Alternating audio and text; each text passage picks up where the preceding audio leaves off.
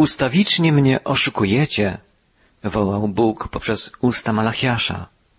Mówiliśmy o tym, że oszustwo ludzi, do których skierowane były słowa proroka, przejawiało się w ich powierzchownym, obłudnym postępowaniu, zarówno w dziedzinie religii, jak i moralności. Prorok Malachiasz w dalszej części swego poselstwa piętnuje w szczególny sposób jedną cechę nieuczciwość w składaniu dziesięcin, nieuczciwość wynikającą ze skąpstwa. Prorok Malachiasz apeluje w imieniu Pana, przynieście całą dziesięcinę do spichlerza, aby był zapas w moim domu, a wtedy możecie mnie doświadczać. Prawo mojżeszowe przewidywało regularne składanie dziesięcin. W księdze kapłańskiej czytamy wszelka dziesięcina z płodów ziemi, czy to z plonów polnych, czy z owoców drzew, należy do Pana. Jest ona poświęcona Panu. Wszelka dziesięcina z bydła i z trzody, wszystko, co przejdzie pod laską pasterską, co dziesiąte będzie poświęcone Panu. Z dziesięcin składanych przez wszystkie plemiona izraelskie utrzymywali się lewici i kapłani. Plemię Lewiego nie miało własnych majątności, nie przydzielono im ziemi, mieli poświęcić się służbie pańskiej. Także oni jednak byli zobowiązani do składania dziesięcin Panu z tego wszystkiego, co otrzymywali od swoich braci. W Księdze Powtórzonego Prawa, ostatniej części pięcioksięgu mojżeszowego, czytamy o dodatkowej dziesięcinie, która miała być składana co trzy lata. Polecenie Pana brzmiało, pod koniec trzech lat oddzielisz całą dziesięcinę z Twoich plonów tego roku i złożysz ją w swoich bramach. Wtedy przyjdzie Lewita, ponieważ nie ma on działu i dziedzictwa z Tobą, oraz obcy przybysz, sierota i wdowa, którzy są w Twoich bramach i będą jedli i nasycą się, aby Ci błogosławił Pan, Bóg Twój, w każdym dziele Twojej ręki, które będziesz wykonywał. Tu widzimy cel składania dziesięcin. Miały one służyć zaspokajaniu potrzeb lewitów, kapłanów, służących Bogu, a także zaspokajaniu potrzeb ubogich, sierot, wdów, również obcych przybyszów, ludzi spoza Izraela, będących w potrzebie. Prorok Malachiasz przypomina o tym obowiązku i przypomina także o Bożej obietnicy przekazanej im przez Mojżesza, iż Pan będzie błogosławił chętnemu ofiarodawcy w każdym dziele jego ręki. Zwróćmy uwagę, jak woła Malachiasz w imieniu Pana. Przynieście całą dziesięcinę do spichlerza, aby był zapas w moim domu, a wtedy możecie mnie doświadczać w tym, mówi Pan zastępów, czy wam nie otworzą zaworów niebieskich i czy nie zleję na was błogosławieństwa w przeobfitej mierze. Bóg zapowiada poprzez usta proroka, że będzie obficie błogosławił każdemu, kto sumiennie, uczciwie odkładał będzie dziesięcinę na potrzeby sprawy pańskiej. Malachiasz przekazuje takie dalsze słowa Boga. I zgromię dla waszego dobra szkodnika polnego, aby wam nie niszczył owocu pól, a winorośl nie będzie już pozbawiana owoców, mówi Pan zastępów. I nazywać was będą szczęśliwymi wszystkie narody, gdyż będziecie krajem upodobania, mówi Pan zastępów, posłuszeństwo Bożemu poleceniu, aby chętnie i uczciwie odkładać dziesięcinę i by ofiarowywać ją Panu, przyniesie chętnym dawcom obfite Boże błogosławieństwo. Przyniesie im szczęście. Czy ta zasada sprawdza się także w życiu współczesnych wierzących? Nas nie obowiązują przepisy prawa mojżeszowego, tak jak lud pierwszego przymierza. Ale czy Bóg nie mówi w Nowym Testamencie o potrzebie ofiarności, szczodrości? Niektórzy chrześcijanie praktykują w swoim życiu odkładanie dziesięciny, czyli dziesiątej części swoich przychodów. Wzorują się w tym na przepisie obowiązującym w prawie mojżeszowym. Ale to prawo nie obowiązuje nas dzisiaj tak, jak Izraelitów, choć może być nam pomocne w regulowaniu naszej ofiarności. Jednak apostoł Paweł sformułował inne, nowotestamentowe zasady szczodrości. Czytamy o nich najszerzej w drugim liście do Koryntian. Apostoł narodów pisze tam o łasce dawania, o przywileju, jakim jest dla chrześcijanina okazywanie szczodrości. Posłuchajmy, co napisał apostoł narodów o wczesnej wspólnocie chrześcijańskiej. czytamy w ósmym rozdziale drugiego listu do Koryntian. Powiadam wam, bracia, o wielkiej łasce Bożej, okazanej zborom macedońskim. Mimo licznych utrapień, które wystawiały ich na próbę, niezwykła radość i skrajne ubóstwo ich przerodziły się w nadzwyczajne bogactwo ich ofiarności. Gdyż w miarę możności mogę to zaświadczyć, owszem, ponad możność, samorzutnie, usilnym naleganiem, dopraszając się od nas tej łaski, by mogli uczestniczyć w dziele miłosierdzia dla świętych, ponad nasze oczekiwania oddawali nawet samych siebie, najpierw Panu, a potem i nam, za wolą Boga. Paweł podkreśla, że wspólnoty macedońskie uważały za dowód Bożej łaski i za wielki przywilej to, że mogły wziąć udział w służbie pomocy dla braci z Jerozolimy. Ich ofiarność była tak wielka, że apostoł stwierdził, iż wyrastała ponad ich skromne możliwości. Sami, będąc ubogimi, zebrali obfity dar dla jeszcze uboższych. Apostoł pisze dalej, że pragnie, by podobnej łaski dostąpili Koryntianie. Apostoł nazwał szczodrość łaską, określił możliwość dawania jako przywilej. Przywilej dany chrześcijaninowi przez samego Boga. Tak, szczodrość jest darem łaski Ducha Bożego. Ten, w kim zamieszkuje Chrystus, ten, kogo serce ulega stałej przemianie Ducha Świętego, jest człowiekiem, któremu dawanie sprawia radość, a także poczucie uczestniczenia w wielkiej Bożej sprawie. Ten dar łaski posiedli ubodzy chrześcijanie w Macedonii. My ze swojej strony powinniśmy przemyśleć szczerze kwestię naszego stosunku do spraw szczodrości. Czy odbieramy każdą sposobność do obdarowywania innych jako przywilej? Czy doświadczamy tej prawdy, że szczodrość jest darem Bożej łaski? Bóg jest Bogiem łaski. Gdybyśmy próbowali jak najkrócej zdefiniować Bożą łaskę, moglibyśmy powiedzieć tak.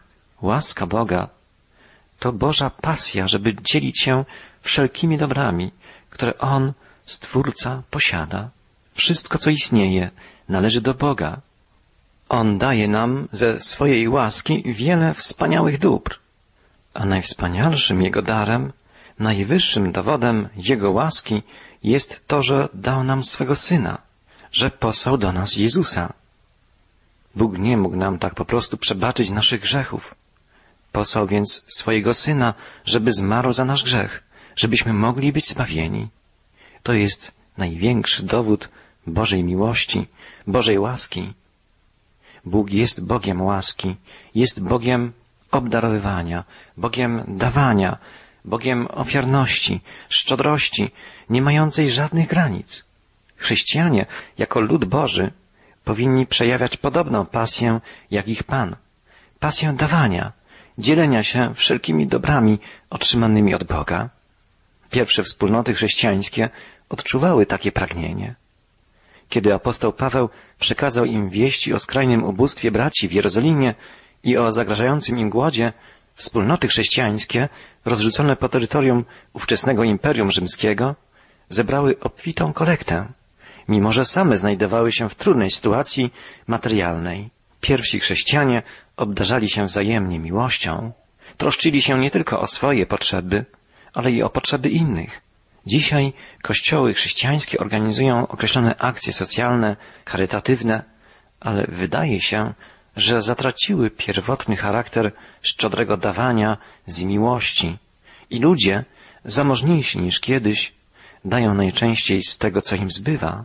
Często wspólnoty chrześcijańskie zapominają o ubogich, których mogliby odnaleźć w swoim najbliższym otoczeniu, a nawet o tych członkach swojej własnej wspólnoty, którzy cierpią niedostatek i potrzebują pomocy. Apostoł narodów wyraźnie naucza, że generalną zasadą w kwestii ofiarności jest zupełna dobrowolność. Bóg nie nakłada na nas żadnych obowiązków, żadnych przepisów czy nakazów, które miałyby regulować naszą ofiarność. Nasza szczodrość jako ludzi należących do Chrystusa powinna wynikać z przemiany wewnętrznej, jakiej Chrystus w nas dokonał i stale dokonuje. Chrześcijanin powinien mieć naturę Chrystusa, A Chrystus przecież, choć był tak bogaty, stał się nędzarzem, żeby nas ubogacić, jak pisze apostoł. Przymierzając się do takiego wzoru, nie można mówić o żadnych innych zasadach, które miałyby regulować naszą szczodrość. To, że jesteśmy gotowi do dawania, do dzielenia się z innymi, do łożenia na sprawy Boże, ma wynikać z nastawienia naszego serca. Powinniśmy mieć w sobie pragnienie, wręcz pasję, podobną do pasji Chrystusa, żeby pomagać, żeby obdarowywać, wspierać, dzielić się. Dobrowolna ofiarność jest dobrym testem duchowego stanu danej wspólnoty chrześcijańskiej. Jest to regułą, że kościoły, w których zbierają się przebudzeni, żywi chrześcijanie, cechują się wysoką, szczodrą ofiarnością. Kościoły, które są duchowo martwe, są dotknięte bardzo niską ofiarnością. Rozmiar ofiar zbieranych przez daną wspólnotę chrześcijańską jest dobrym barometrem jej duchowego stanu. Pewien zamożny człowiek, zapytany jak to robi, że jest tak bogaty, mimo że obficie dzieli się z innymi, odpowiedział Bóg daje mi swoje dobra, a ja je rozdaję. I wtedy Bóg daje mi jeszcze więcej. Nigdy nie jesteśmy w stanie dać więcej niż daje Bóg. Cokolwiek damy innym, Bóg wynagrodzi nam to z nawiązką. Kto skąpo sieje, zbierze skąpy plon. Kto sieje obficie, zbierze plon obfity. To jest maksyma, którą powinniśmy zawsze pamiętać. Podobnie jak słowa apostoła Pawła z listu do Efezjan. Pokazałem wam, że pracując należy wspierać słabych i pamiętać na słowa Pana Jezusa, który sam powiedział, bardziej błogosławioną rzeczą jest dawać, aniżeli brać. Zapewne te słowa bardziej błogosławioną rzeczą jest dawać niż brać. Jezus wypowiadał wiele razy. Powtarzał je, żeby uczniowie dobrze je zapamiętali. A teraz powtarza je apostoł Jezusa Paweł. Bardziej błogosławioną rzeczą jest dawać niż brać. Dzisiaj słowa te są często w kręgach chrześcijańskich powtarzane, cytowane, ale czy są stosowane w praktyce? Czy doświadczamy tego, że bardziej błogosławioną, czyli uszczęśliwiającą rzeczą jest dawać niż brać? Czy nie siejemy skąpo? Czy nie dzielimy się z innymi oszczędnie, z oporami? Kiedy chcemy zbierać obfite plony, musimy stale siać, siać obficie, szczodrze. Nie jesteśmy w stanie wyrobić sobie sami w sobie takiej postawy. Tylko Chrystus, mieszkając w naszych sercach, przemieniając nas swoją miłością, może uczynić nas prawdziwie szczodrymi.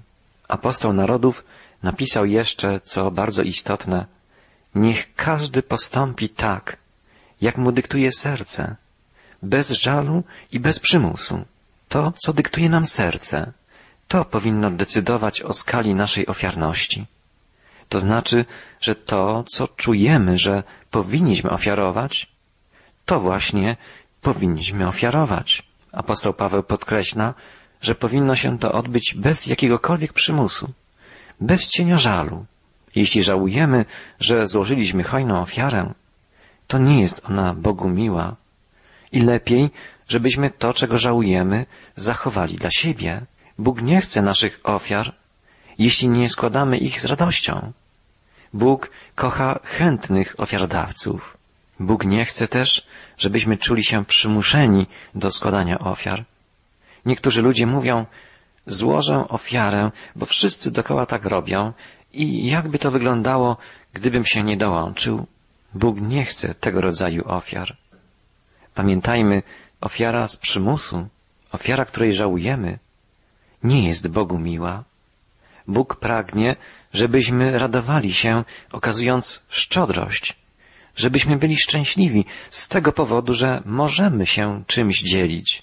Apostoł narodów naucza, władny jest Bóg udzielić wam obficie wszelkiej łaski, abyście, mając zawsze wszystkiego pod dostatkiem, mogli hojnie łożyć na wszelką dobrą sprawę. Bóg hojnie wynagradza szczodrość. Człowiek wierzący, który jest szczodry, będzie zawsze doświadczał obfitego Bożego błogosławieństwa. Nie znaczy to, że owo błogosławieństwo będzie wyrażało się obfitością dóbr materialnych. Bóg obiecuje błogosławić nas wszelkimi duchowymi błogosławieństwami nieba.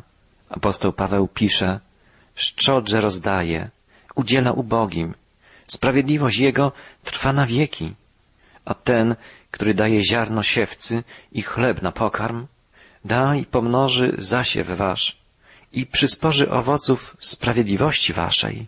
Nasza ofiarność jest zależna od tego, czy Bóg nas inspiruje do dawania. Apostoł cytuje Psalm 112.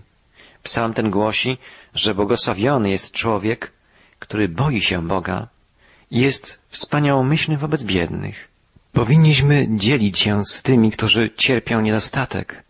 Powinniśmy wspierać słabych, pomagać bezradnym, karmić głodnych. Powinniśmy troszczyć się o chorych i bezdomnych. Zbyt łatwo przychodzi nam sądzić, że sprawa pomocy ubogim to kwestia działania organizacji charytatywnych. Jako chrześcijanie powinniśmy rozglądać się dokoła i udzielać pomocy tym, którzy najbardziej dotknięci są nieszczęściem, ubogim, potrzebującym. Bardzo często mamy możliwości, by kogoś z ubogich zaprosić do swojego domu, by poczęstować go czymś gorącym, czy podarować mu coś do ubrania. Dlaczego tego nie robimy? Czy nie ufamy Bożym obietnicom? Apostoł Paweł podkreśla, ten, który daje ziarno siewcy i chleb na pokarm, da i pomnoży zasiew wasz i przysporzy owoców sprawiedliwości waszej. A tak, ubogaceni we wszystko, będziecie mogli okazywać wszelką szczodrobliwość, która za naszym przyczynieniem pobudza do dziękczynienia Boga, bo sprawowanie tej służby nie tylko wypełnia braki u świętych, lecz wydaje też obfity plon w licznych dziękczynieniach składanych Bogu. To niesamowite. Nasza ofiarność nie tylko zaspokaja niedostatek naszych współwyznawców, ale wyzwala wdzięczność wobec Boga. Tę myśl jeszcze tak rozwija apostoł. Doznawszy dobrodziejstwa tej służby, chwalić będą Boga za to, że podporządkowujecie się wyznawanej przez siebie Ewangelii Chrystusowej i za szczerą wspólnotę z nimi i ze wszystkimi. Wielu ludzi odda cześć Bogu, gdy zobaczy naszą hojność. Tak stwierdza apostoł i myślę, że jest to bardzo prawdziwe. Dzisiaj dzieje się podobnie jak wtedy u zarania Kościoła. Znane są historie wielu ludzi, którzy oddali cześć Bogu i powierzyli swoje życie Chrystusowi, dlatego że spotkali się z życzliwością i szczodrością chrześcijan. Szczodrość jest jednym z ważnych znaków miłości. Apostoł pisze na koniec, modląc się za was, tęsknić będę za wami z powodu nader obfitej łaski Bożej, która spływa na was. Apostoł pisze o takiej właśnie sytuacji, kiedy ludzie, obserwując dobroć i hojność chrześcijan, pragnąc spotkać się z nimi znowu, odczuwają, że to Bóg poprzez nich okazał swoją wielką dobroć. Dawanie jest łaską. Dzielenie się jest przywilejem. Jako chrześcijanie, czyli ludzie Chrystusa, nie jesteśmy zobowiązani do przeznaczania jakiejś określonej części swoich dochodów na pomoc dla innych czy na kościelne ofiary. Nie obowiązują nas tu żadne prawa, nakazy czy przepisy. Nasza szczodrość ma wynikać z odruchu serca, ma być pokłosiem łaski zbawienia otrzymanej w Chrystusie. Chrystus ma być dla nas wzorem. On, który był tak bogaty, stał się dla nas nędzarzem, żeby nas ubogacić. Kiedy Chrystus będzie mieszkał w nas, gdy będzie nas stale przemieniał i prowadził, niepotrzebne są już nakazy czy prawa, które miałyby regulować naszą ofiarność. Będziemy dzielić się z innymi z ochotnego serca i będzie nam to sprawiać ogromną radość, a Bóg będzie nam błogosławił, bo kocha ochotnego dawcę. Apostoł Paweł kończy swoje rozważania na temat ofiarności słowami Bogu niech będą dzięki za niewysłowiony dar Jego. Tak, Boży dar jest nieoceniony. Bóg dał nam swojego jedynego Syna, wiedząc, że będzie musiał umrzeć, żeby nas ratować. Ten dar jest największym darem, nieporównywalnym z żadnym innym. Cokolwiek my podarujemy, możemy i powinniśmy porównać z tym największym Bożym darem. Ten dar powinien nas zachęcać i inspirować. Jezus jest bezcennym, niewysłowionym darem Boga dla Ciebie i dla mnie. Jest to dar najwyższy, wzór wszelkiej ofiarności. Nie można już pójść dalej, niż uczynił to Bóg, ukazując nam swoje szczodre, miłujące serce. Pamiętajmy słowa apostoła. Pamiętajmy słowa proroka, który przed wiekami wołał Przynieście całą dziesięcinę do spichlerza, aby był zapas w moim domu. Wtedy możecie mnie doświadczać. Czy wam nie otworzą zaworów niebieskich i nie zleją na was błogosławieństwa w przeobfitej mierze? Pamiętajmy o nauce proroka, o nauce apostoła. Pamiętajmy o tym i okazujmy miłość naszym bliźnim ze szczodrego serca.